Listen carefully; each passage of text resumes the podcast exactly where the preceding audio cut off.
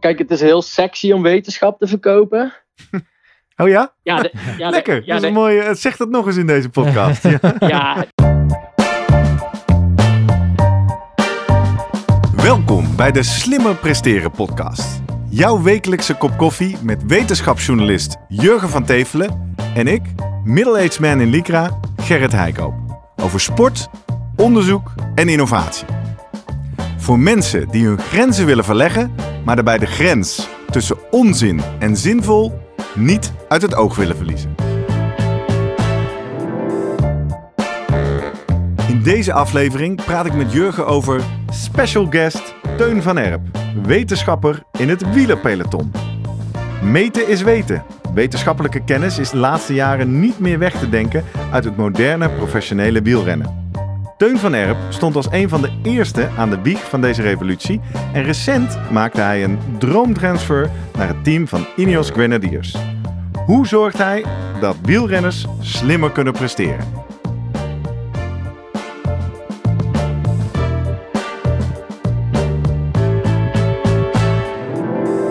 Voordat we beginnen, nog even drie dingen om aan te denken als jij zelf ook slimmer wil presteren. Nummer 1. Druk nu gelijk even op abonneren, zodat je altijd direct in de gaten hebt wanneer er een nieuwe aflevering online komt. Nummer 2. Weet dat je Jurgen en mij ook kunt boeken voor jouw volgende bijeenkomst als spreker of presentator. Neem gerust eens contact met ons op via de contactgegevens hieronder. En 3. Deze podcast wordt geproduceerd en gesponsord door Live Online Events. Serieus goede content rondom jouw congres of event. Check www.loe.tv voor meer info. Goedemorgen. Goedemorgen Gerrit. Leuk je hier weer te treffen. Ja. Eh, nieuwe vrijdag, nieuwe aflevering. En eh, wederom met een hele bijzondere gast dit keer. Deze gast ben ik best wel trots dat we hem hebben. Ik want ook. zijn naam is al Ja. regelmatig gevallen hier in de podcast.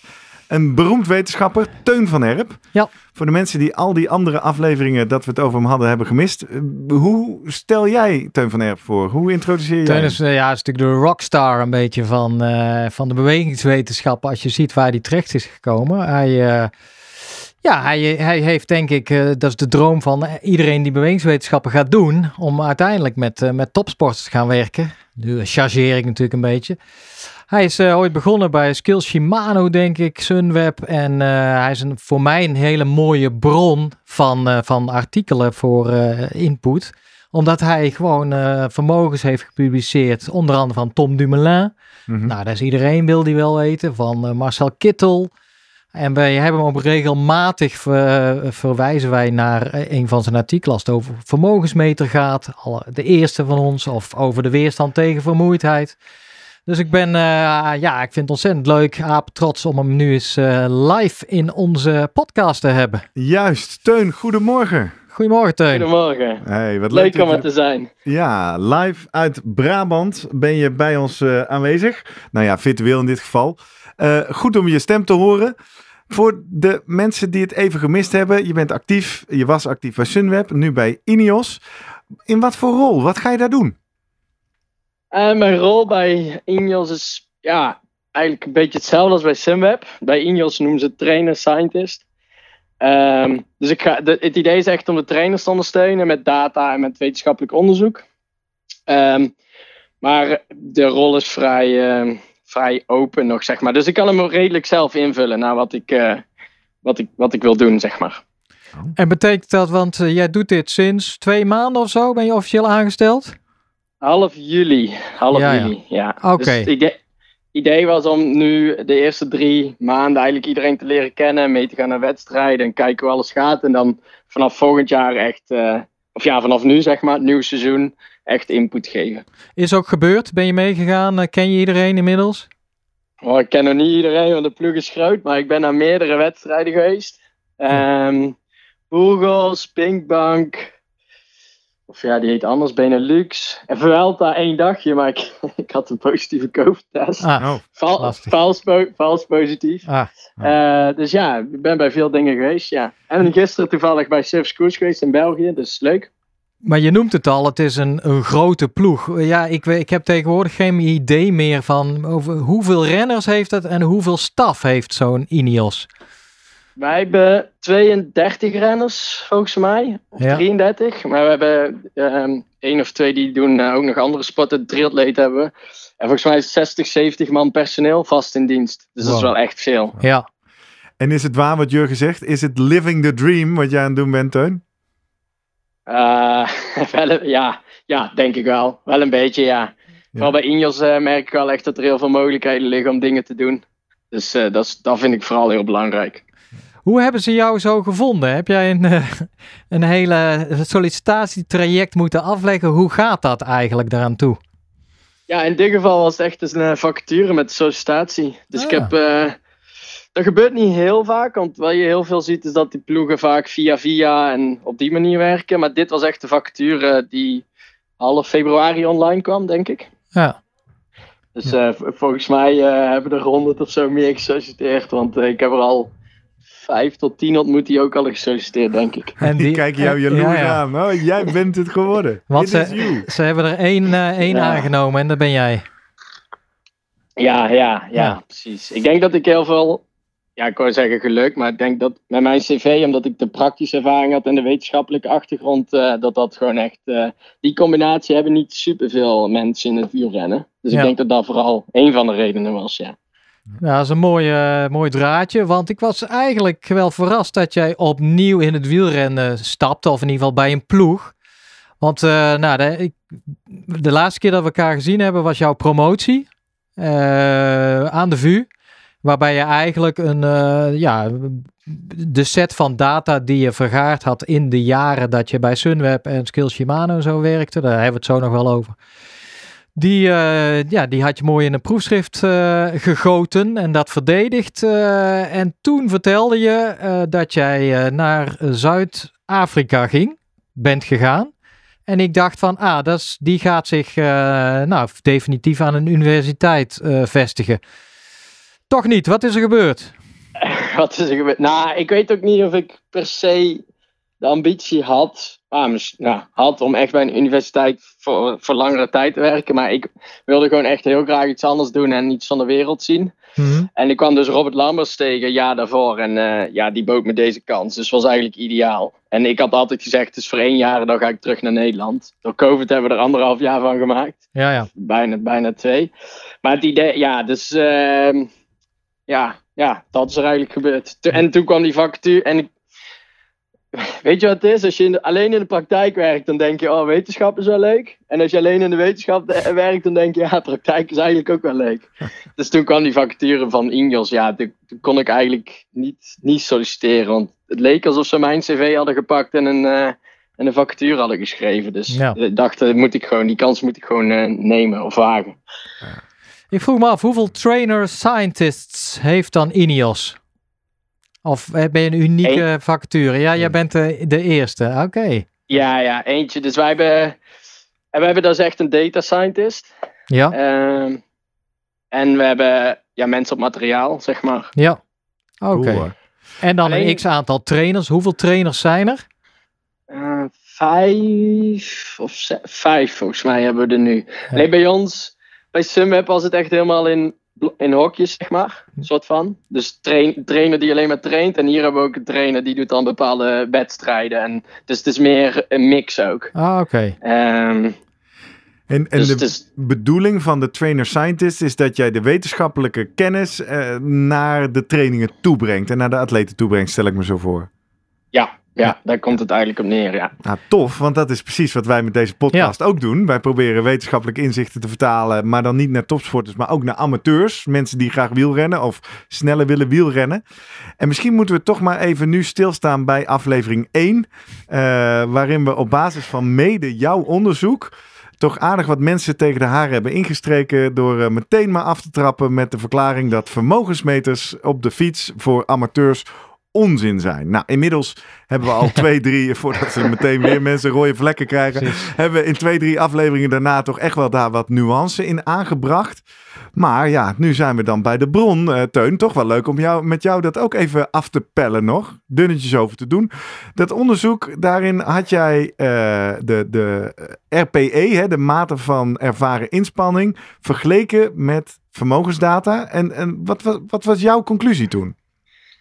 Ja, mijn conclusie was toen dat eigenlijk alle loodmaten uh, heel goed correleren met elkaar. En lood is belasting, hè? Dan de lood is dus de belasting, ja. Dus je kan eigenlijk. Je, het, ja, dus je hebt volumes, kilometers en, uh, dus, en de duur. En dan lood is eigenlijk. Lood is eigenlijk een combinatie van de intensiteit en de duur. dan, mhm. dan, krijg je een, lood, een, lood, een belastingsmaat. En ja, dat was, mijn conclusie was, als je naar, puur naar belastingsmaten kijkt, dan zou je kunnen zeggen dat API uh, maal het aantal minuten dat het eigenlijk hetzelfde weergeeft als TSS en kilojoules. Dat, dat, dat klopt. Ja. maar het is natuurlijk wel een stuk genuanceerder dan, dan dit. Want even dan toetsen. Adviseer jij nu, ja, uh, bij Ineos, we hebben gezegd, daar kun je niet te veel over zeggen, maar adviseer jij dan nu ook andere, uh, nou, amateurs dan in ieder geval, joh, zo'n vermogensmeter, je kan prima zonder, want je voelt zelf wel aan wat een harde, zware training is, of wat een zwaar blok is, ja of nee? Ik denk dat alles valt of staat met hoe serieus je wilt trainen. Dus mhm. ik heb, zelf, ik heb zelf geen vermogensmeter. Maar ik ga gewoon met vrienden een stukje fietsen. En uh, ik wil zondagochtend iets doen, zeg maar. En dat, dat is het. Ja. En ik denk dat je dan niet per se een vermogensmeter nodig hebt. Als je wat serieuzer traint.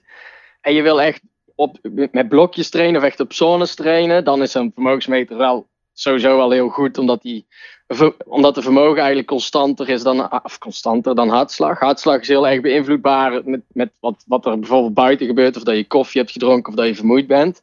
Plus met je vermogensmeter kun je heel goed in de gaten houden of je verbetert en op welke, welke punten je verbetert. Dus ja, dus als jij serieus wilt trainen, dan denk ik dat de vermogensmeter wel echt van toegevoegde waarde kan zijn. Ja, en dan, dan zaten wij denk ik toen in aflevering 1 op die grens, jij en ik, zeg ik dan Jurgen, tussen mensen die het leuk vinden om recreatief regelmatig te wielrennen versus echt beter worden. En daar zit dan ook de nuance. En volgens mij hebben wij onlangs in de aflevering over mijn marathon ook gezegd: er is een hele hoop te winnen. Gewoon in basis, trainen, uren maken voordat je aan dit soort gadgets natuurlijk uh, moet komen. Ja. Nee, maar het is, ja, ik ben het wel met je eens. Als je, wij hebben het ook een keer over het, volgens mij het vermogensprofiel Profiel, gehad. En, en het feit, ja, ik moet zeggen, de laat dat, dat uh, die tijd in Zuid-Afrika, daar heb je wel uh, flink goed besteed om uh, allerlei data die je nog had liggen, om die neer te schrijven. Want er zijn best wel een boel artikelen verschenen.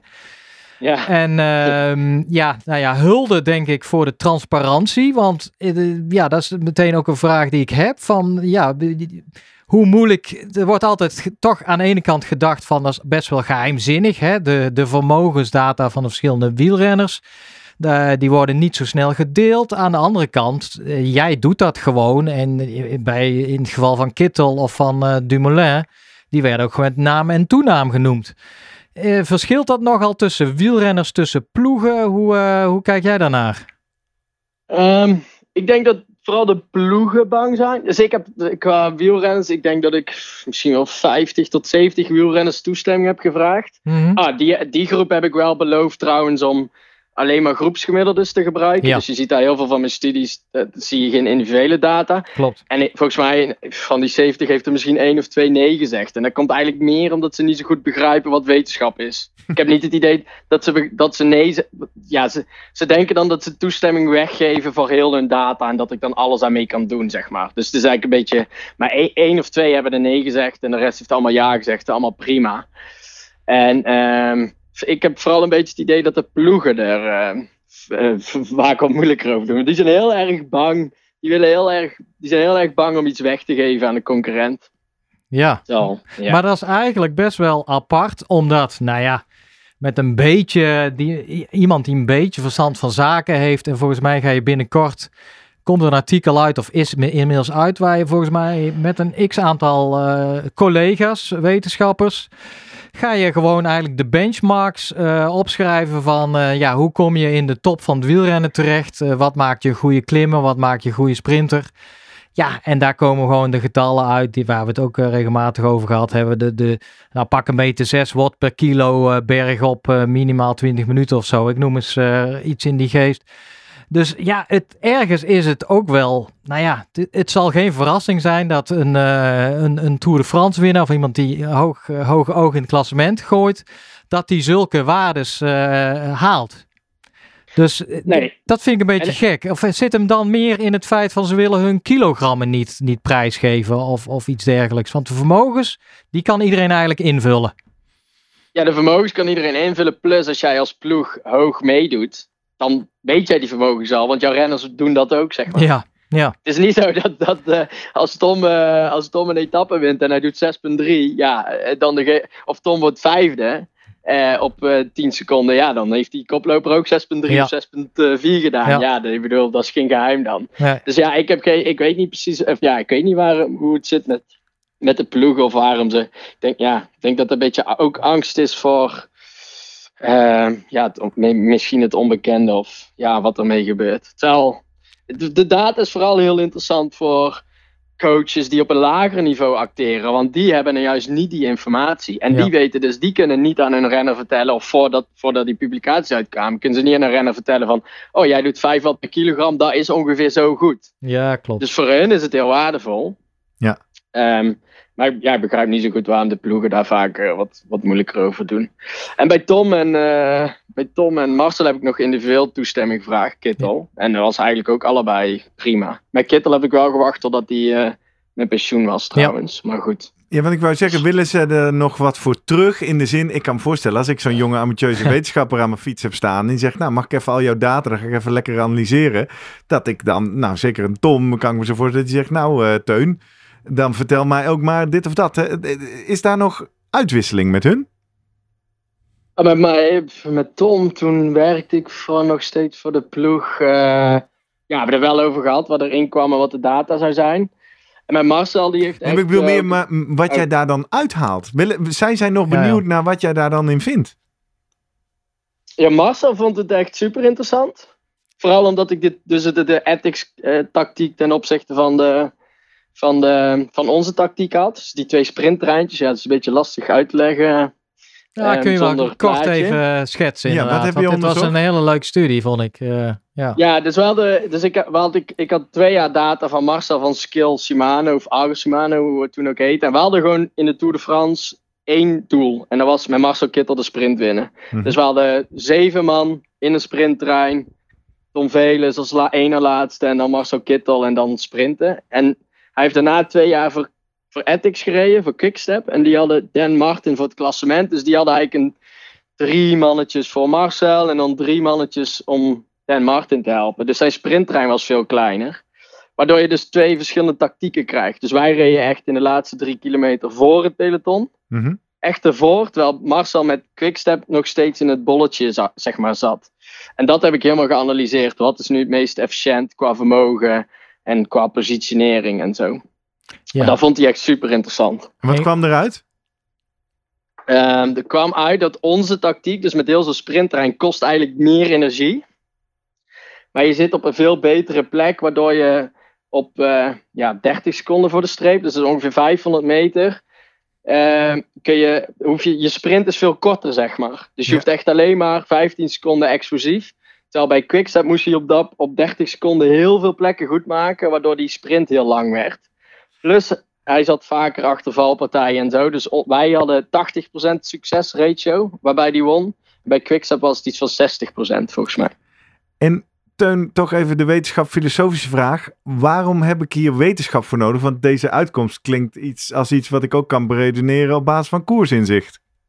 Ja, weet je wel. Alleen nu heb je dus echt het bewijs dat het zo is. Terwijl Ja. vaak wordt in de praktijk worden dingen aangenomen, terwijl, terwijl je niet zeker weet of het zo is, zeg maar. Nee. En bijvoorbeeld dat vermogen, dat het zoveel zou schelen in vermogen tussen die tre- treintjes, dat wist ik niet. Of dat had ik niet verwacht.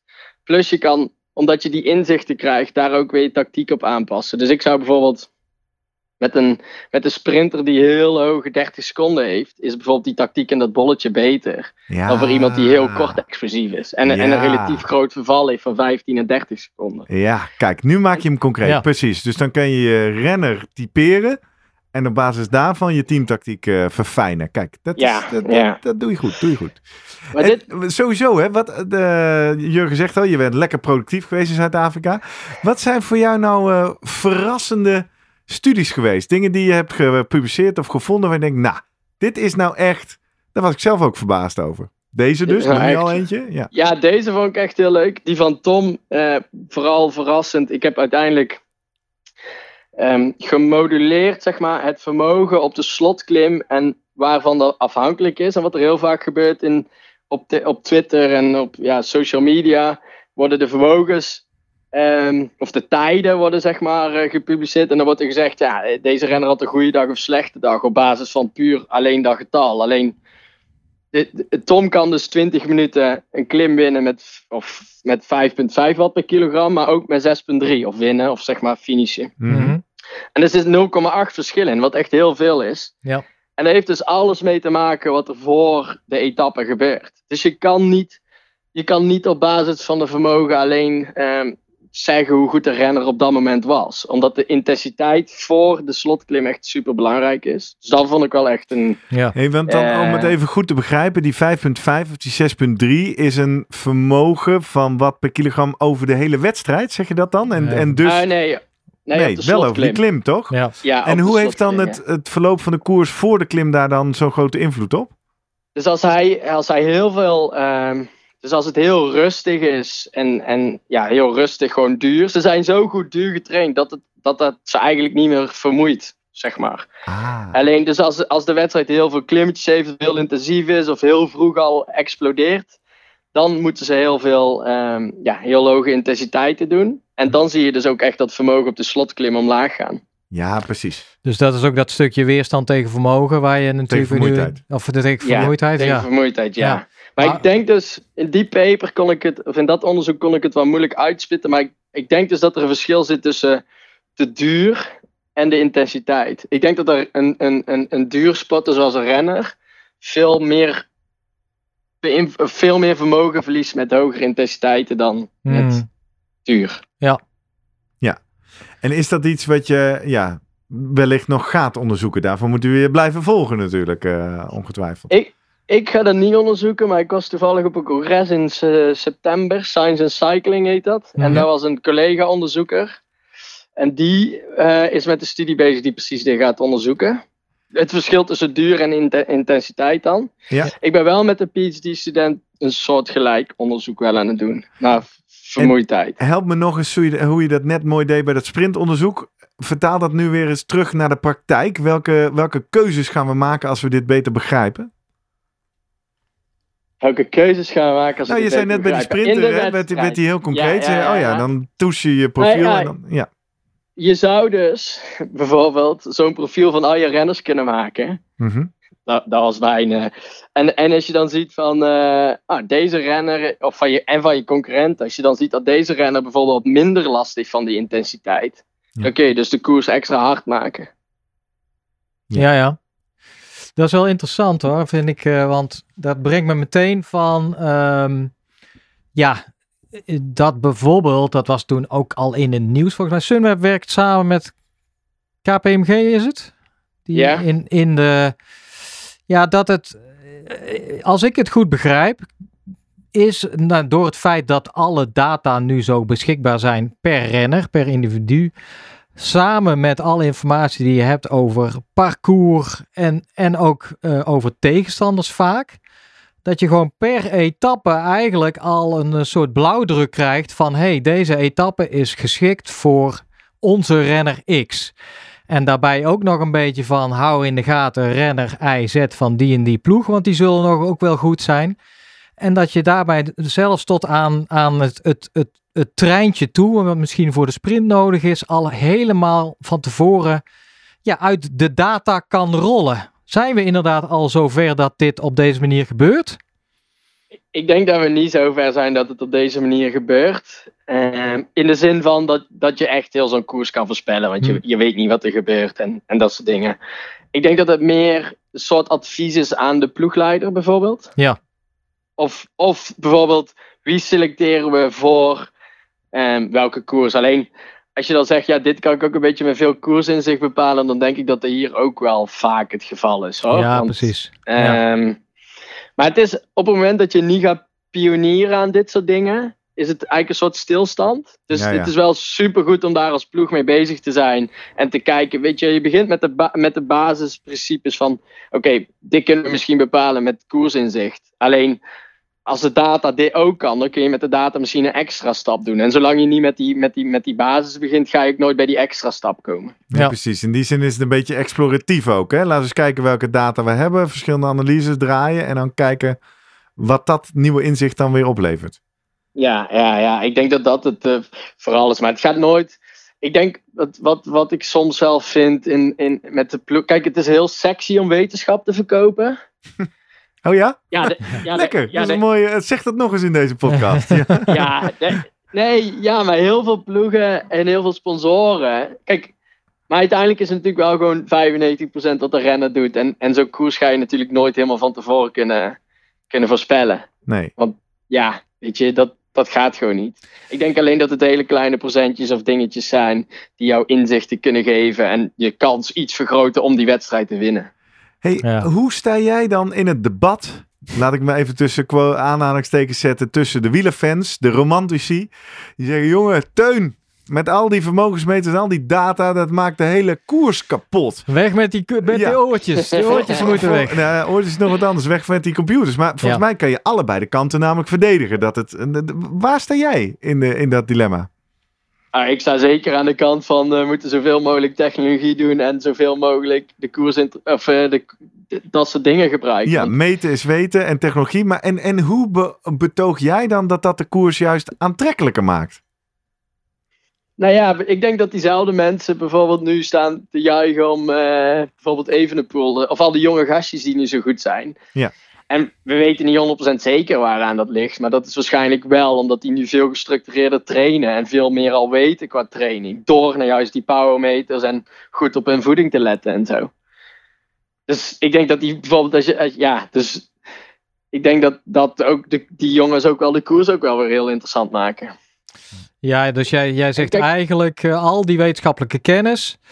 Die heeft gewoon het wielrennen sowieso naar een hoger niveau geteld. In de breedste, eh, ja, in de breedste zin een beetje van, van, eh, van het wielrennen. Maar ook juist ja, dat je nu dus die jonge, die jonge de, de Pogacars en de Evenepoels, dat die nu al zo goed zijn. Dat heeft allemaal ja, te danken is toch aan, aan de, die wetenschappelijke kennis. Waardoor je nou ja, veel eerder weet of eh, iemand ja, een talent kan ontdekken en eh, kan ontwikkelen. Ja, dat denk ik wel.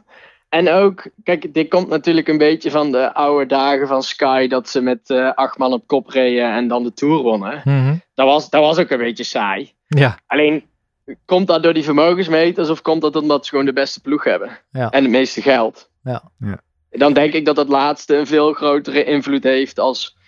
Kijk, ik zei, ja, ik kan ook, altijd, ik kan ook berekenen wat onze renner moet doen om eh, de Tour de France te winnen. Maar ja, dan moet hij dat wel kunnen doen. Ja. Hij moet het wel doen. En ook nog de teamgenoten om zich heen Ja. hebben die mee kunnen tot het laatste moment. Ja. Nou ja, Ja, van, precies, ja dus- vandaar altijd dat, eh, ja, nou ja, je hebt een, een bepaalde wielercommentator die, die behoorlijk daarop afgeeft en altijd zit, zit ze weer op hun vermogensmeter te kijken en precies dat vermogen te trappen wat nodig is om.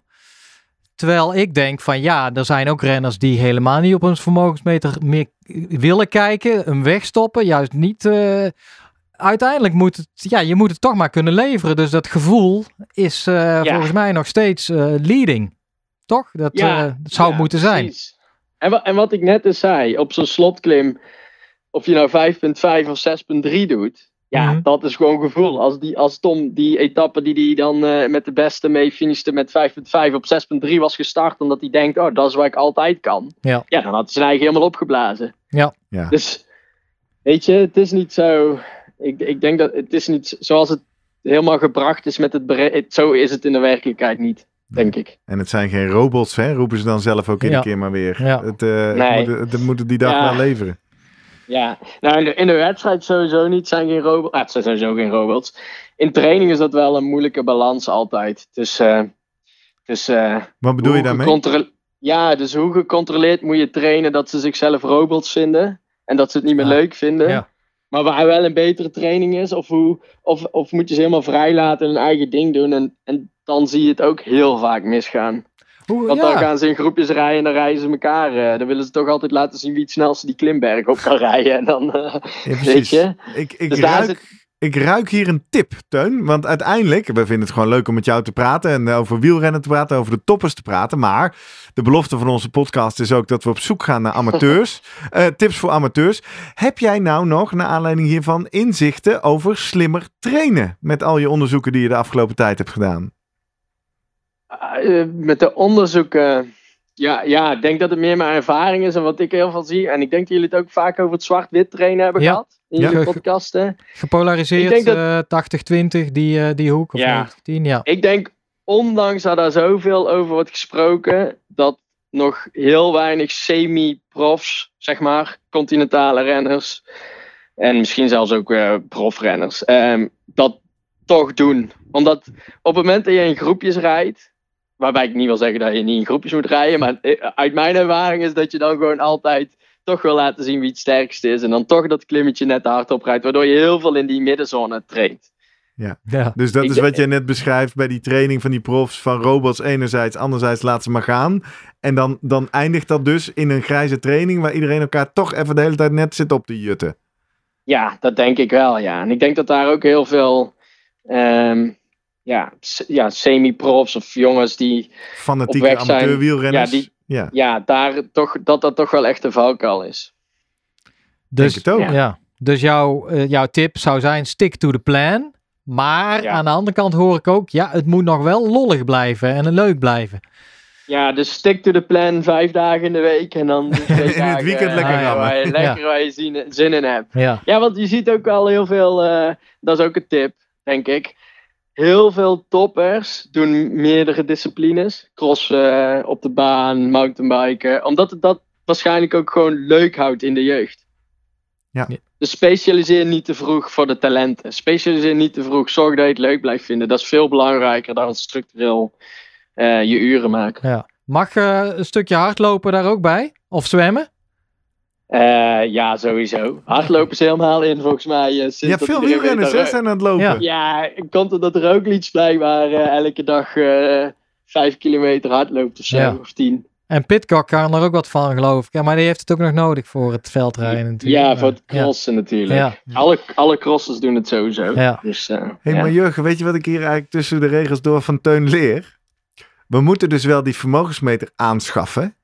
En niet zozeer om die 30 seconden intervallen beter doen, dat is ook een bijvangst. Mhm. Maar om dus te zorgen dat we langzaam genoeg durven te blijven fietsen Ja. in onze laag intensief trainingen, Teun. Is dat een goede conclusie?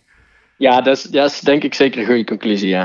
Dat Ja. is toch even een, een functie van de Ja. vermogensmeter die ik nog even niet had gezien. En dat precies, Ja. Dat, ja, dat grijs trainen is toch wel, eh, ja, eh, dat zit er toch dat, makkelijk in. Hè? Je wil toch een beetje moe thuiskomen. En Ja, je wil en je wil niet- eigenlijk ook op Strava gewoon 30 Ja. minimaal 30 gemiddeld zien. Hè? ja, Strava Ja, is maar ook da- inderdaad daar moet je een, van eh, afstappen. ja. Sowieso. Ja. Dat is de ja, grootste ja. denkfout. Ah. En, en, ja, en, en, en nog een tip dan. Ik weet niet hoeveel er met hartslag trainen. Maar hartslag is een beetje het gevaar van trainen met hartslag. Waar ik de powermeter iets fijner vind. Of beter is. Dus dat op het moment dat je heel erg vermoeid bent. Dus dat is- komt ook uit mijn studies van in de grote rondes zeg maar. Mhm. Wordt je hartslag wordt onderdrukt. Dus het is moeilijker om je hartslag in de zones te krijgen. Als je vermoeid bent. Ja, dan blijft Maar hij het laag. risico, ja, dan blijft hij dus laag. Maar het risico is dus dat je eigenlijk al vermoeid bent, maar dan denkt, oh, ik kan mijn zone niet halen. En dan nog harder gaat fietsen dan dat je eigenlijk zou moeten doen. En dan nog meer vermoeidheid opbouwt. Ja.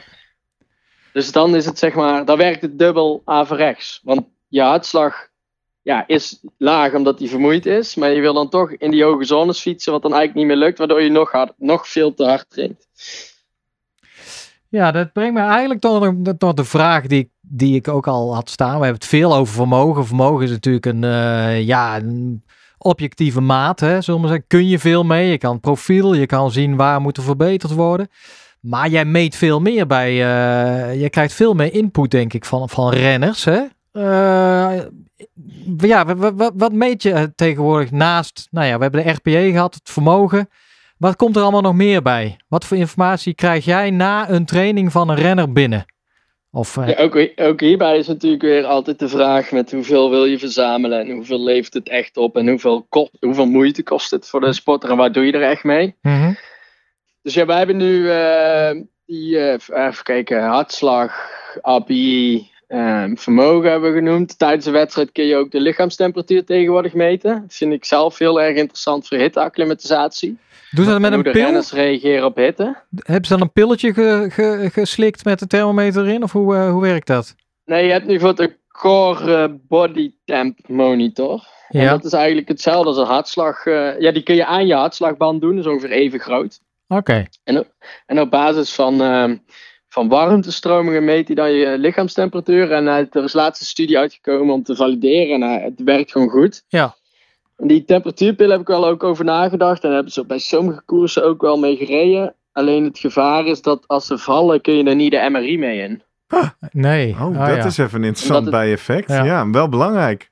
Ja, omdat het metaal is. En Ja. Dus, dus Ah, eh, ja. vandaar dat ze dat bijvoorbeeld niet gebruikten bij, eh bij Ineos. Hey, en wat vertelt jouw eh real-time inzicht, achteraf desnoods, over de lichaamstemperatuur? Wat, wat doe je daarmee? Nou, bijvoorbeeld, eh, de studies zeggen dat als je aan hitte wil acclimatiseren, moet je eigenlijk een lichaamstemperatuur hebben van 38,5 graden of hoger. Dus met deze meter, op het moment dat ze bijvoorbeeld voorbereiden voor Vuelta, in de weken daarvoor kan ik dus ook echt zien of dat ze die hitteacclimatisatie halen. Ja. Daar vind ik het vooral belangrijk voor. Want, want je wil dus zien dat ze uren maken of kilometers maken in hitte, of in ieder geval met een lijf wat heet is, zodat Ja. de, de, de transpiratie en de vocht en allerlei processen zich daaraan eh, adapteren of zo. Ja, ja, ja, precies. Daar, daar, daar komt het eigenlijk eh, helemaal op neer. En dan kun jij dus meten of, of de training kwalitatief goed genoeg is. Eh, redden we het? Ja. Zijn we straks op tijd Ja. genoeg aangepast? Ja, ja. ja, ja. Ja, daarvoor. En ik denk, wat ik zie, want het is vrij nieuw hoor, dit apparaatje. Wat ik zie is dat je als coach, of dacht ik zelf ook, oh, het is buiten 30 graden, ik ga fietsen. Maar zolang je vlak fietst en wind hebt, ja, daar heb je met fietsen dus niet bergop gaat, dan, dan gaat je lichaamstemperatuur niet zoveel omhoog als dat je zou verwachten. Ah, ja. Dus daarvoor is het heel interessant. Ja. En plus in een wedstrijd is het interessant om je, om je koelings... Daar zijn we nog minder mee bezig geweest, maar om je koelingsstrategie aan te passen. Zeg maar. Ja, dat vind ik wel interessant, want tijdens de wedstrijd zie jij dan, of de, de ploegleider, of eh, ziet de renner, die Ja, renner wil de de renner het zelf ook weten, of eh, is zo, deze informatie eigenlijk het meeste geschikt voor, voor de begeleiding, om dan te, te instrueren de renner van, hey, jij moet eens even wat, eh, wat water over je heen gooien of wat extra koud drinken. Hoe, hoe gaat het in de praktijk? Ja, het gebeurt nu vooral dat we er achteraf naar kijken. Omdat eh, de UCI heeft nog steeds, als het goed is, verboden om data van de renner naar de auto te sturen. Ah ja. In zijn Dus eh, algemeenheid. we mogen dat niet. In zijn ja, het kan hè? zijn Ja. dat ze dat twee maanden geleden hebben veranderd hoor. Maar dan moet ik eens even eh, nakijken. Maar mooi. we hadden dus een heel eh, ding met, eh, we hebben een keer klaar voor de ploegentijdrit. En toen drie weken van tevoren besloten dat we het niet mochten doen. Ai. Want we zien is- wel ja. af en toe op tv ook, hè? Live eh, vermogensdata soms. Of soms eh, ja. Ja. snelheden sowieso, maar dat is van Ja. de motor. Maar eh, dat is, zijn dus experimenten of zo. Dat mag in zijn algemeenheid niet.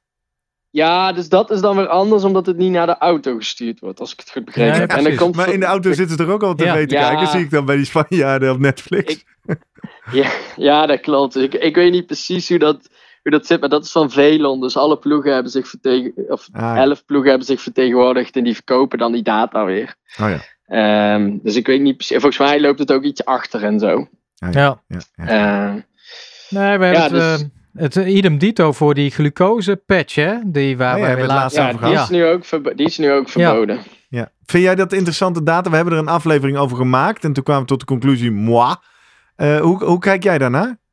Ik ben er eigenlijk eerlijk gezegd nog helemaal niet mee bezig geweest. Oké, helder. helder. Ik denk dat het eh, meer voor de voedingsdeskundige ook is. Maar eh, ik, ik, ik ben er niet mee bezig Nee. geweest.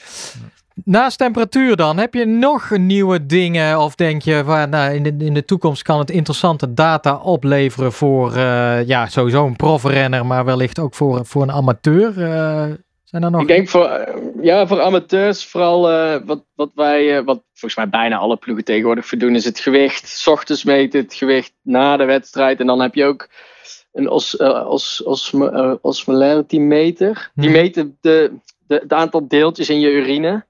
En op basis daarvan, van die twee, je bepalen of je genoeg gedronken hebt. Ja. Dus dat doen we, dat doen we bij elke wedstrijd. Hey, en Ehm. ehm, dat is ook leuk, want daar hebben we ook een aflevering over gemaakt. Met een, met een belangrijke boodschap dat je vaak, maar dat gaat, ging dan wel over hardlopen, eh, te veel drinkt als je niet oplet. Wat, wat heb jij al inzicht in de data wat uit die structurele metingen komen? Ah, pff, eh, uit deze data zelf niet. Wat ik zelf eh, vind, is dat er wordt altijd heel erg gepusht op eh 1 liter per uur volgens mij. Ja. En eh, er is heel veel discussie over in de literatuur. En over het algemeen komt er nu langzaam maar zeker steeds meer bovendrijven dat drinken op dorstgevoel eigenlijk eh, beter is. Of net, in ieder geval net zo goed is. Ja, hè? Ehm, ja, dus ik zou wel.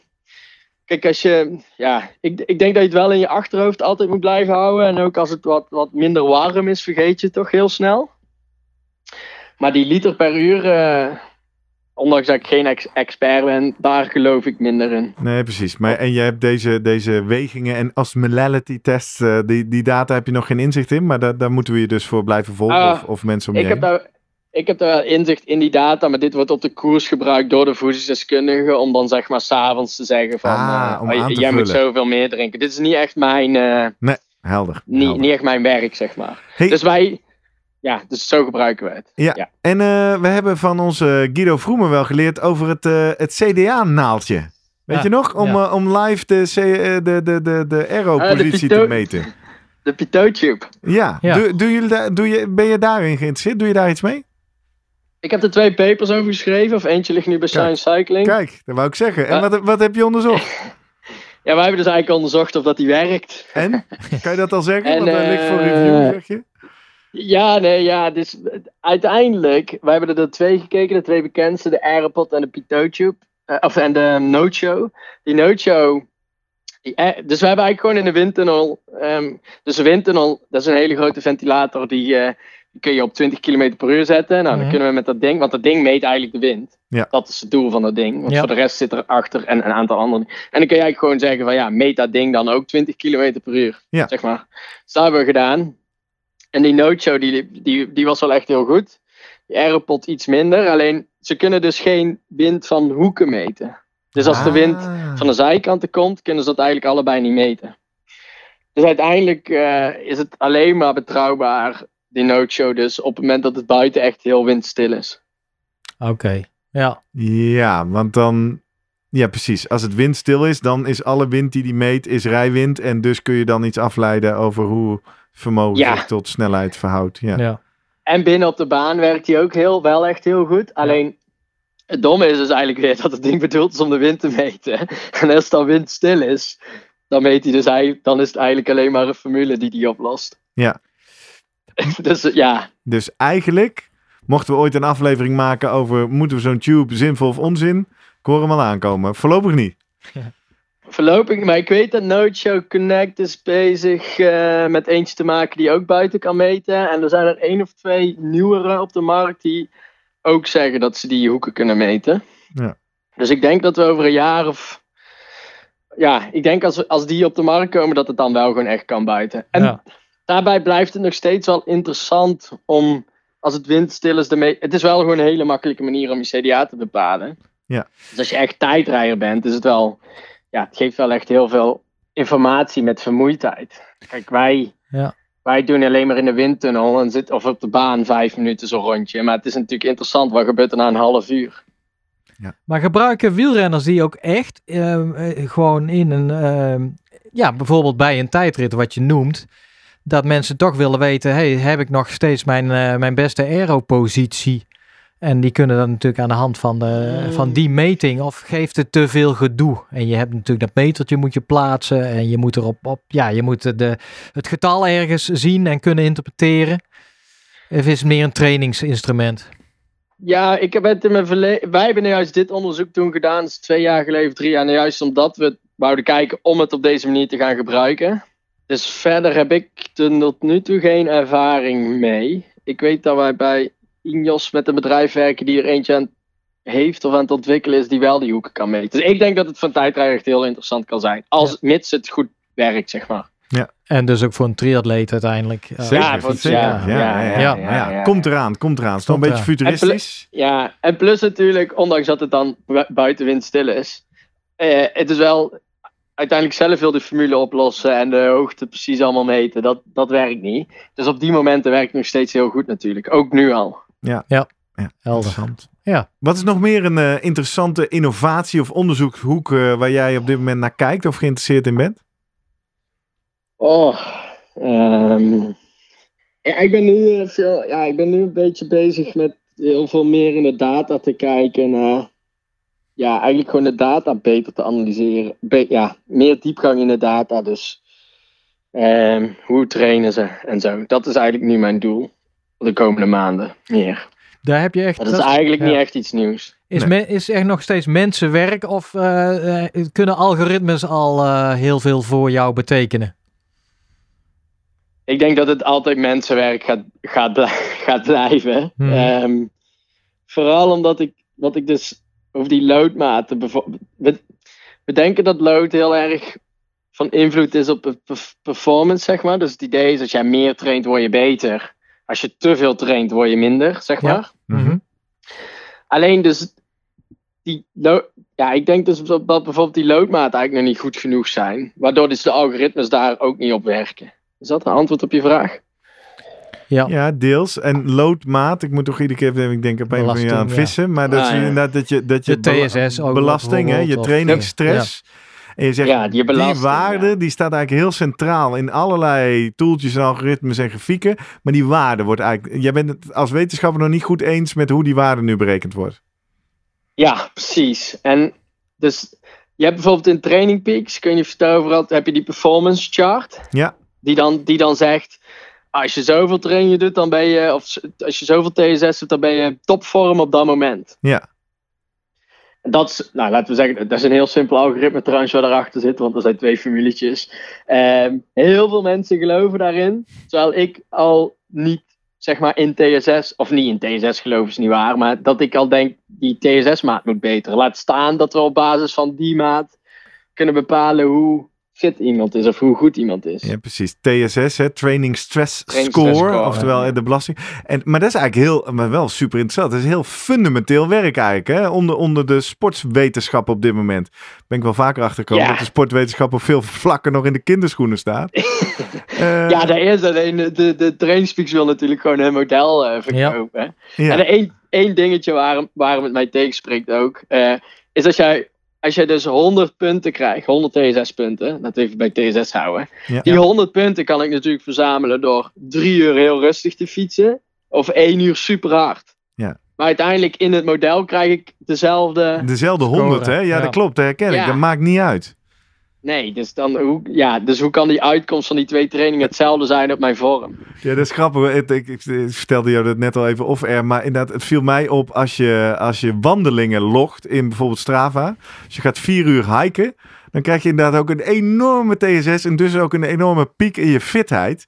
Terwijl ik dan denk, ja, Ja. maar dit is toch Ja. niet hetzelfde als inderdaad anderhalf uur marathon tempo stampen. Maar eh, ja, nee, precies. Dus dat, ja, jeetje, het- wie, wie moet dit gaan doen, Teun? Wie gaat dit fundamenteel wetenschappelijke werk eh, verzetten voor ons?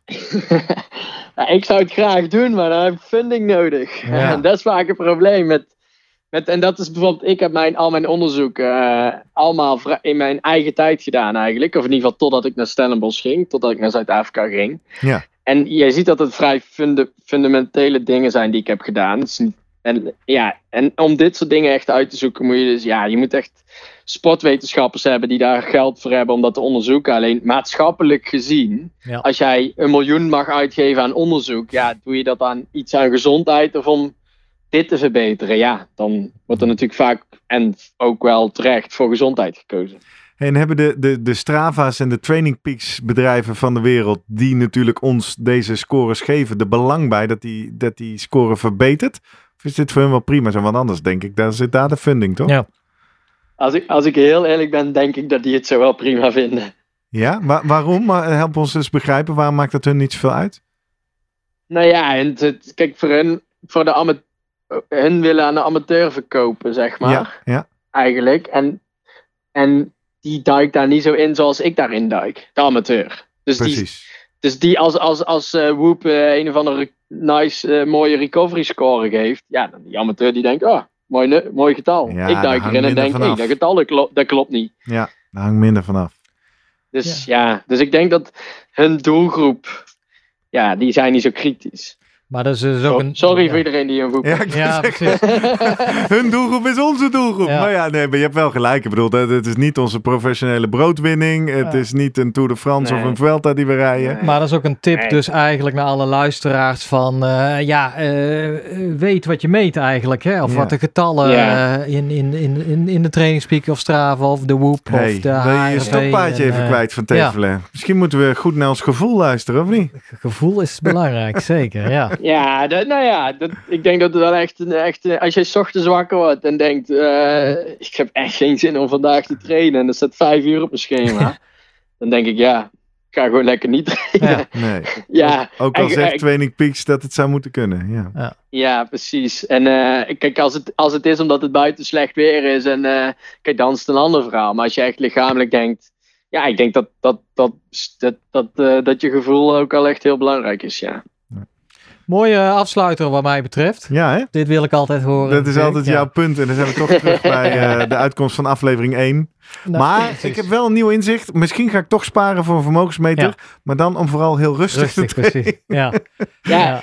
Zeker doen. En je kan dus met de vermogensmeter echt heel mooi bepalen of je verbetert. Ja. Want je kan gewoon dat blokje doen, vijf minuten volle bak. Ja. Doe je nu, je gaat drie maanden trainen, je doet weer vijf minuten volle bak. Ja. hey, ik doe nu, eh, eerst deed ik 300 watt, nu doe ik 320. Hey, ik ben 20 watt beter geworden. ja, Ja. precies. precies. Nou. Misschien moeten we maar eens gaan sparen voor Ja. een mooi kerstcadeautje. hey, dat is een mooi bruggetje. Ja. Vrienden van de show. Zullen we afsluiten? Teun, is er nog iets wat jij heel graag wilde vertellen hier in de podcast? Of zeg je, ik, eh, ik heb wel veel mooie dingen kunnen delen. Ik heb veel tips gehoord. Volgens mij heb ik veel mooie dingen kunnen delen, maar eh, ja, ik kan uren kletsen hierover. Ja, Ja, dat nou, merk ik. Ik hartstikke leuk. En wij vinden het ook heel leuk dat je bij ons bent. Dus ik wil vast even één ding secure hier. Mochten er nou heel veel leuke vragen van kijkers en luisteraars komen... of van Jurgen en mijzelf... mogen we jou nog eens terugbellen?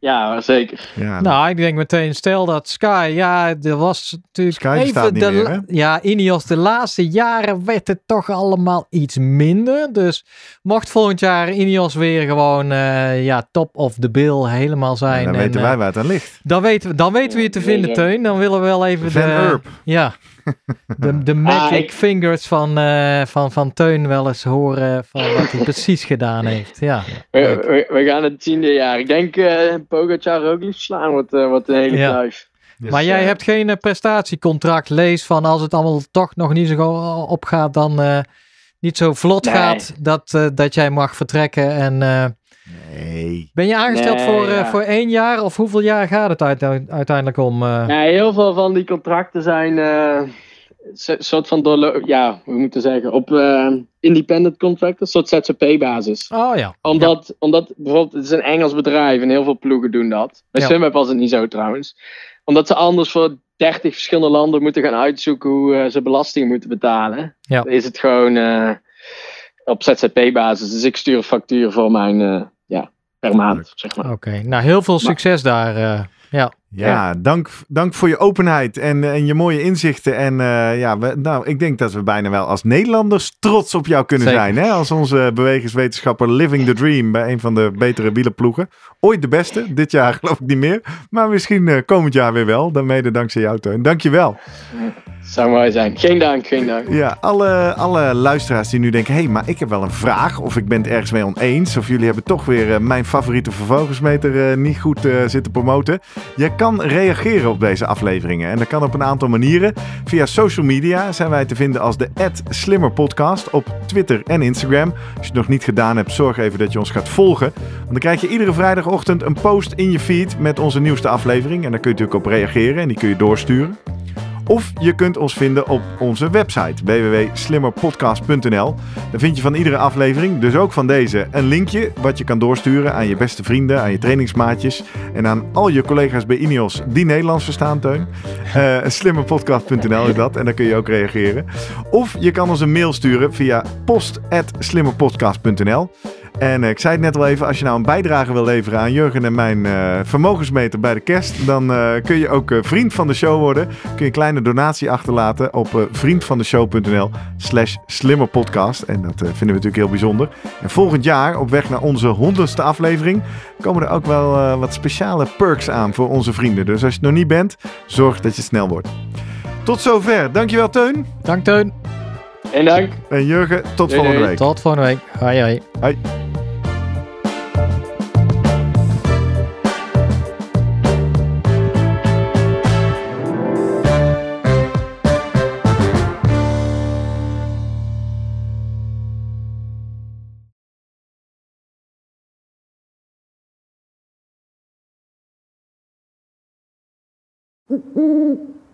Hey, pst. Voordat je weggaat, denk er nog even aan uilentorenloop.nl. Dan zien we je de eerste zaterdag van juni. Tot dan!